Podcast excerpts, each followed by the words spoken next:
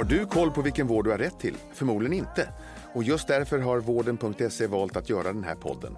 Jag heter Mikael Sandström och är husdoktor i eh, podden Vårddjungeln.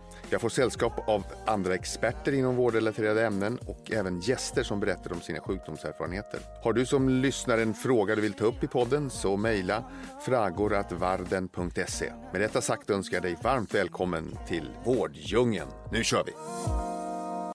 Sådär.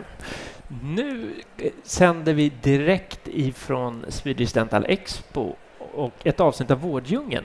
Och eh, med mig idag så har jag Bengt Haseus och Jan Hirsch som båda ska dela med sig av er erfarenhet av ett väldigt viktigt ämne, nämligen muncancer. Men jättevälkomna hit till livepodden. Tackar. tackar. Tack så mycket. Hörs det bra? Ja, ganska. Är vi redo? Ja. ja. Eh, och då har vi då Bengt, han är professor, övertandläkare från Sahlgrenska akademin och Göteborgs universitet. Och Jan Hirsch, professor emeritus, Uppsala universitet och Karolinska institutet. Jättekul att ha er här.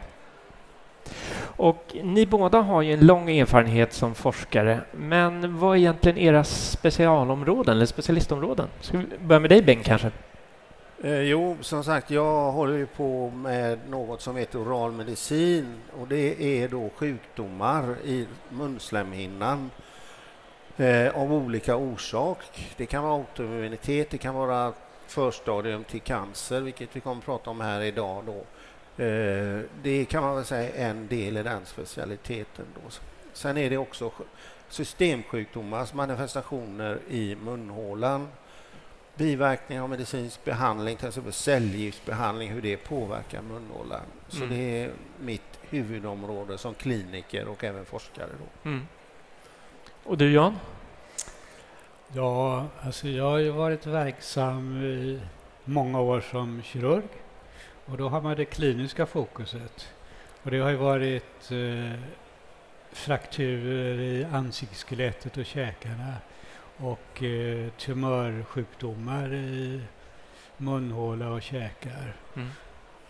Och då väckte ju det ett forskningsintresse, eh, det här med cancer. Och då har fokuset varit att försöka hitta orsaker till cancer i munhålan och hur man kan förebygga det. Mm. Och sen att hitta bra kirurgiska metoder, att utveckla bra metoder för att rekonstruera, återställa de här människorna som är opererade för cancer mm. i käkarna. Mm. Det känns tryggt med så här mycket visdom här. Och eh, om, vi, om vi ska börja med en fråga. Det, det, det, det finns en del olika forskningsinstitutioner runt om i Sverige inom ortodonti. Eh, är det olika fokus där eller delar man upp det? Hur, hur ser forskningen ut? man kan säga att det finns ju inte någon gemensam nämnare utan som överhuvudtaget inom forskningen så beror det profilen väldigt mycket på vilka starka forskningsledare och forskargrupper det finns. Mm. Som jag talar för Göteborg, där jag kommer ifrån, alltså Sahlgrenska akademin, så tror jag ju de allra flesta känner till Brånemarksimplantaten, tandimplantat. Det var ju någonting som startades av honom i Göteborg mm. och vilket gör att fortfarande den forskningen runt implantat är väldigt stark. Ett annat område i Göteborg som har varit väldigt starkt har varit forskning om tandlossningssjukdomar. Mm. Där har varit mycket framgångsrika.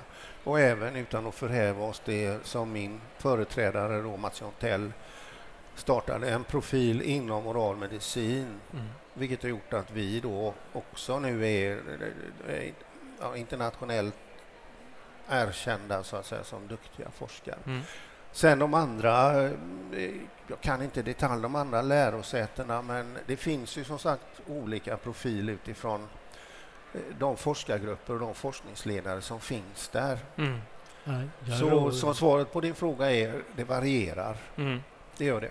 Mm. Jag roade mig att gå in och titta lite på mina ämneskollegor i ja. Umeå, Karolinska, Malmö, Uppsala och i Umeå har man en lång tradition att jobba med rekonstruktioner av medfödda defekter, mm. framförallt läppkäk, gomspalter. Gom, ja, det är man, och utvärderingar av dem. I Stockholm, på Karolinska, har man en lång tradition att jobba med infektioner, Mm. orala muninfektioner och då hur man, eh, hur man eh, använder antibiotika. I Malmö är det mer livsstilsrelaterade eh, sjukdomar och huruvida de har ett samband med mun, munnens tillstånd.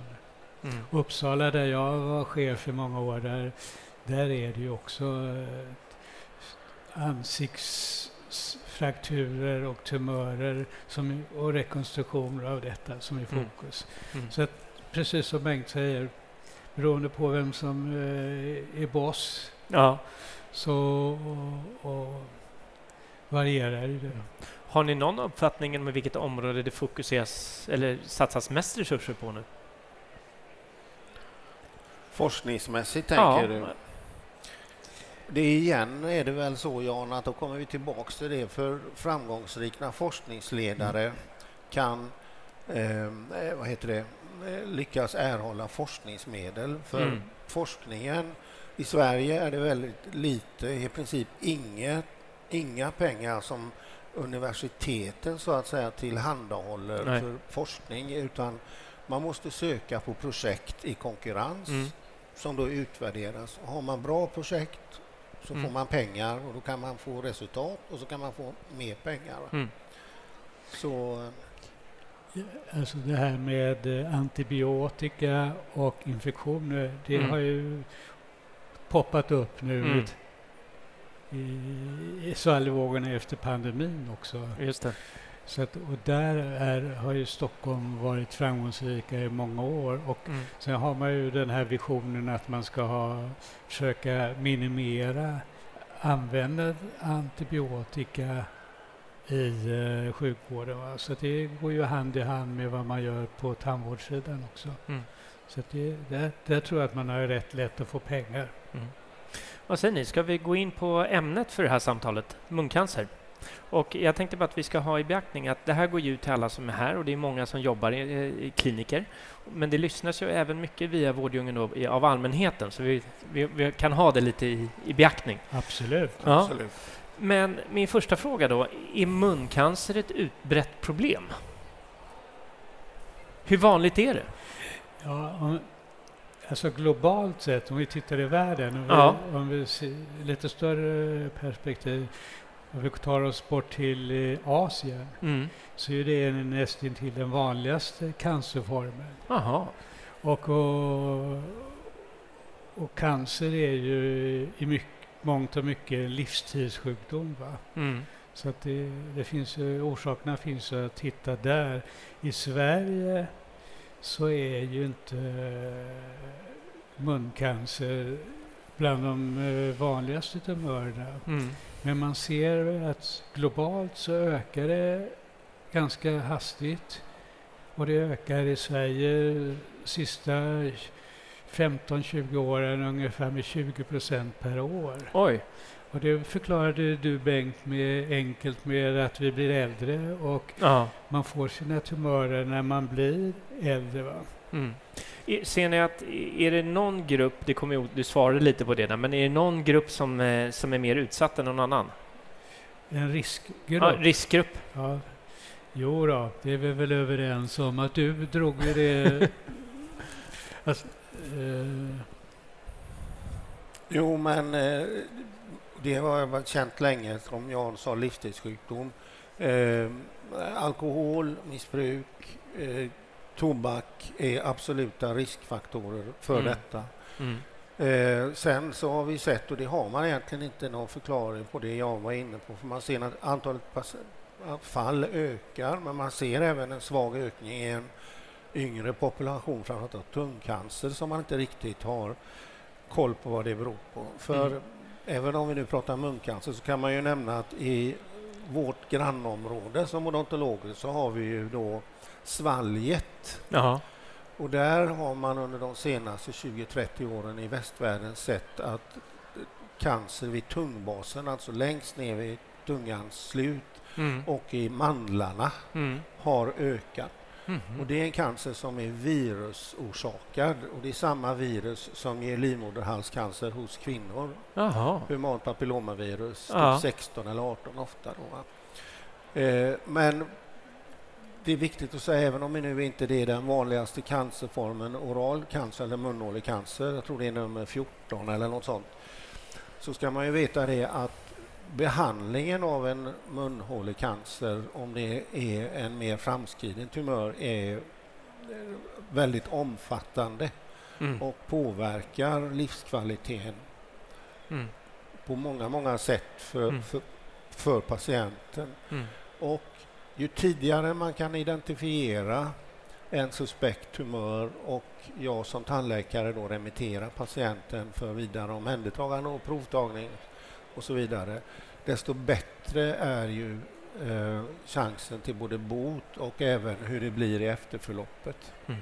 Och där bara är just odontologin otroligt väsentlig för vi ser ju så många av eh, invånarna i Sverige på regelbunden basis. Mm. Så det är... För, för det kommer ju osökt in på då, vad finns det för symptom och vad kan man hålla utkik efter själv? Finns det några in, tidiga indikatorer man ska uppmärksamma? Nej, det finns ju förstadier till cancer. Som Ja. är det som vi har föreläst om bland, nu på förmiddagen, Bengt har gjort det. Ja. Eh, som eh, man kan eh, observera om man är observant. Ja. Alltså vissa eh, färg, vitaktiga förändringar som sitter i kinden eller på tungan eller på tandköttet eller under tungan. Det kan ju vara ett förstadium. Mm. Så, och det kan man ju observera om i, i, i bästa fall. Då. Mm. Men man kan också, egentligen så borde ju tandläkaren och tandhygienisten se det där ganska tidigt. Va? Mm. Sen Och- kan och- man säga det också att på en manifest, eh, alltså när det har blivit en cancer, det som man, för det, det Jan beskriver då med den här vita fläcken, man kanske inte går till tandläkaren, trots allt är det inte alla som gör det. Eh, Det kanske inte noteras, men det, då, då är det sår som inte läker inom en vecka, tio dagar. Då ska man absolut söka. Får man en svullnad eller någon kula som inte man riktigt vet varför, Mm. då ska man absolut söka. Och vad vänder man sig då? Jag tycker att i det fallet så kan man kontakta 1177, Mm. man kan kontakta sin tandläkare, Mm. man kan även kontakta sin vårdcentral. Mm. Det är lite grann upp till den enskilde vad man tycker, tycker är bäst då. Mm. Men jag kan säga för att liksom v- våran profession, det som våran styrka är när det gäller detta att vi har i allmänhet alltid väldigt bra ljus. Vi har väldigt bra möjligheter att titta in i munnen. Mm. Så eh, tandläkaren vill jag mena, jag tror Jan håller med mig, är väl skickad att se om det är någonting som avviker Mm. och då remittera patienten omgående för fortsatt omhändertagande. Mm. Så som sagt, sår som inte läker, svullnader, även om man får eh, plötsligt att det börjar kännas som att man har tandläkarbedövning i läppen kan vara ett Mm. sådant tecken på att Mm. det är någonting som bör utredas. Mm. Eller? Så att allt som avbryter det normala i princip låter Ja, som... det är något Ja. som inte... Nej. Och pratar man med patienterna som har det här så ja, men jag kände att det var något som inte Mm. var som det har varit. Och det Mm. ska man ta på allvar som patient. Då. Jan, du var lite inne på det innan, men i vilka olika stadier Ja, ja, finns, eller, eller är en muncancer? lite grann av det vi har sagt tidigare indikerar ju då att det är inte, he- det är inte så mycket symptom i början. Va? Nej. Patienter känner inte så mycket. Och, eh, så att man eh, tyvärr så kommer patienterna lite sent. Mm. Och eh, då, om man då upptäcker en tumör så kan man ju klassa den. Då finns det ett klassifikationssystem då där man graderar tumörens storlek. Mm. kallar man för tum T, tumörens storlek, 1, 2, 3, 4. Mm. Och sen är det då om N be betyder noder, alltså om man då har någon form av spridning till eh, lymfkörtlarna. Mm. Har man någonting i munnen och det börjar sprida sig då kan man känna att man, som när man har halsont, att man får ömma lymfkörtlar Mm. under käken och på halsen. Så T, N, E och så M betyder då metastaser. Det betyder att tumören har spritt sig då. Mm. Så då har vi en TNM-klassifikation och, Mm. och har man en T1 då, då får du skatta dig lycklig. Då är man tidigt ute. Då är man tidigt ute. Ja. Men har man en 2, 3, 3, en eh, etta och så med metastaser Mm. då, då blir ju prognosen ganska dålig Mm. och behandlingen är i alla fall väldigt omfattande Mm. med strålning Mm. och, och kirurgi. Mm. Och vem vill bli av med halva käken? Nej. Eller över eller under, Mm. och, eller tungan? Mm. Och ni har ju haft en föreläsning tidigare idag också där ni har pratat om det här ämnet och ni har pratat om vikten av och hur viktig roll tandhygienister och allmäntandläkare spelar i det här. Men hur kan man göra för att de ska vara medvetna om det här? Hur, hur ser det ut ute på klinikerna idag? Är personalen medveten om att titta efter det här? Hur, hur ser det ut? Er bild?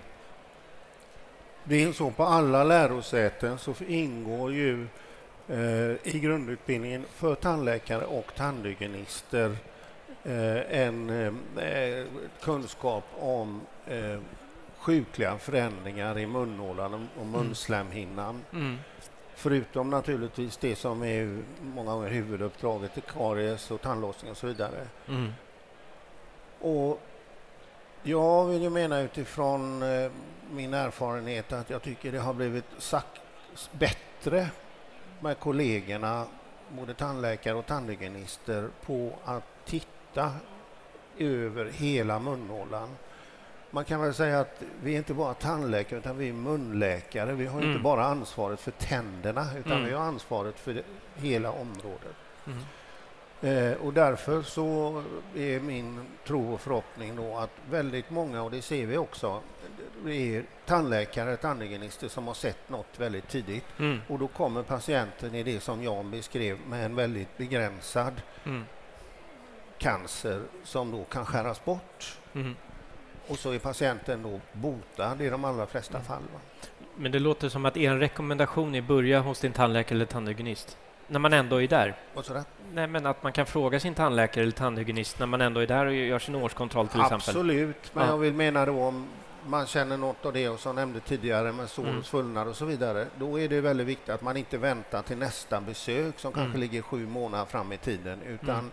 ring i så fall och beställ en tid Mm. Mm. nästa vecka för att få Mm. det kollat. Då. Alltså, en viktig punkt här är ju att det som upptar mest av arbetstiden, det är ju det man har mest fokus på. Mm. Och då är det ju, har patienten tandlossningsbesvär, har patienten eh, eh, kariesskador och sådär, då måste vi ju åtgärda det. Mm. Man har ju både barn och ungdomar och Mm. vuxna. Och sen så vill man ju rehabilitera tuggfunktioner.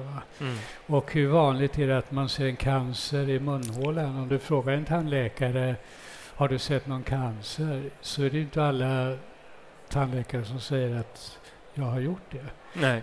Och därför är det ganska långt bak i huvudet. Mm. Men det som jag inte säger att det är så viktiga är att man betonar man är både tand och läkare. Betonar Mm. den här läkarbiten lite hårdare och Mm. titta lite mer Mm. på munslemhinnor ordentligt. Va? Mm. Och jag hoppas nå- säkert några av våra lyssnare kommer fråga tandläkaren en extra gång nästa gång de är där. Ja, det är, väl, det är jättebra. Ja. Och jag tycker om inte annat, eh, det vet ju Jan och jag sedan tidigare föreläsningar också, att det är ett intresse väldigt, det är ett stort intresse för de här frågorna ute Mm. bland tandvårds, eh, Mm. tandvårdsprofessionen. Och utmaningen här blir ju också, som Jan sa, att det är ju extremt sällan, trots allt, som en tandläkare eller tandhygienist hittar en cancer. Mm. Men därför blir det ju än viktigare att den gången man ser något, att man reagerar. Mm. Och jag vet ju att ni båda har forskat på andra eh, spännande ämnen också. Eh, bland annat, om inte jag är helt missinformerad, eh, Bengt, så har du studerat korrelationen mellan munhälsa och covid. Ja, kanske ja, på ett sätt. Eller effekter av ja, det. Ha, effekter har du några, av- nej, några det- resultat du kan dela det- med dig av? Ja, det, det var, jag deltog i en studie, ett multicenterprojekt mellan Sao Paulo och- Göteborg och också ett sjukhus i Italien. Där vi ville, frågeställningen var den nu, patienter som vårdas på intensivvårdsavdelning för covid-19, för Mm. svår covid-19, om de har en eh, eh, sjukliga förändringar i munslemhinnan som skiljer sig från andra tillstånd när man vårdas på IVA. Ja. Det är ganska vanligt att det blir bekymmer i, i munnen av olika skäl. Då. Nu är jag, all, är jag alldeles för gammal för att stå frontside med covid och det kanske man ska vara, eh, eh, vara glad för. Men eh, patienterna såg så här, det var över 150 patienter på ett av de stora sjukhusen i Sao Paulo Mm. där man dokumenterade var, under varje dag på patienten moderat till svår covid Mm. om det fanns eh, förändringar i munslemhinnan som skulle vara typiska för sars-cov-2-viruset, alltså det Mm. virus som ger covid-19. Och vi kunde dra slutsatsen att eh, det, det var ingen skillnad mot andra svåra tillstånd. Mm. Så det finns inget som utmärker covid-19-infektionen när Okej. det gäller munnen. Då. Nej. Och Jan, nu, ser jag, nu tar du fram en bok där. Det blir, blir jag jättenyfiken på själv också. Jag, vi alla vet ju att det är inget bra att röka. Nej. Det har vi ju hamrat in en gång för alla. Men eh, ja, jag har ju en inne nu också. och jag säger att Oj, du oj. Bengt kanske också. Men hur illa är det egentligen med snusa? För det finns ju att man säger att nej, men det finns inga studier å ena sidan och du säger att nikotin är farligt å andra sidan. Men ska vi cementera din, din bestämda åsikt här nu då? Ja, om man vi pratade om cancer globalt Mm. Ju, och att mest cancer har man i Asien, Mm. Indien. Mm. Varför har man cancer i munhålan i Indien? Jo, och där borta. Jo, för man, man eh, förbrukar icke röktobak. Det vill säga man snusar ju istället. Ja. Det de man tillverkar, det heter någonting annat.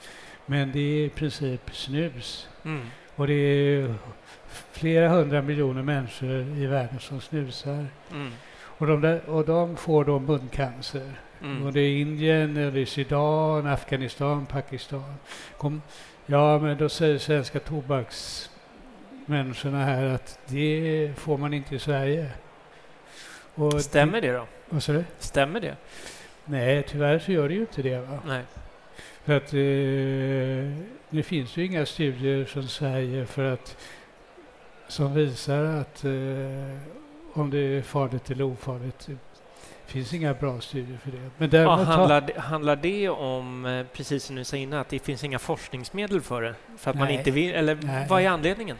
Nej, det är svårt att göra. Jag gjorde min avhandling på 70-talet. Mm. Inte 1870 men 1970. när vi tittade på eh, virus, snus och munhålecancer. Mm.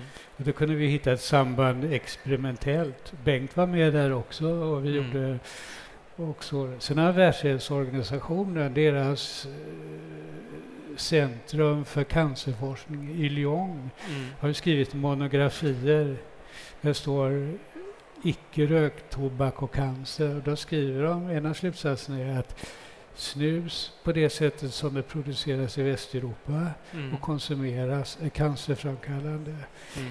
Sen finns det ju hur mycket sådana här exempel på sådana här internationella organ som drar den slutsatsen. Mm. Och nu senast kom ju också då, om man nu vidgar begreppet ifrån muncancer, så kom det ju då en avhandling härifrån Umeå som visar att eh, snusare har en ökad risk att dö i förtid. Och det, är, och det är en väldigt bra bok. Sen finns det då, sen börjar man komma in på Ja, men hur fungerar med nikotin nu med allt det här vita snuset och Mm. den här wappingen som pågår? Mm. Så, ja, då finns det ju inga bra studier för det är ganska nytt. Men man vet så mycket att nikotin påverkar hjärnan på unga människor. Mm. Permanenta skador får man. Mm. Så att det kom ju, där, av allt det här, alla de här data som finns då, cancerrisk, för tidig död, för tidig spädbarnsdöd, för tidiga födslar och så vidare, så bör man ju som läkare och tandläkare säga så här, snus är ingenting man ska eh, ägna sig åt. Nej. Då får, måste försiktighetsprincipen råda. Om man inte är säker på eller övertygad om att de här data är korrekta. Mm. Men det finns ändå en misstanke. Då kan man ju ta till sig den misstanken om man inte låter sig övertygas.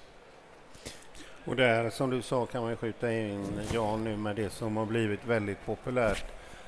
Det här så kallade vita snuset Mm. som ju man påstår var tobaksfritt men som jag vill mena per definition, definition inte kan vara det i och med att nikotin kommer ju från tobaksplattan.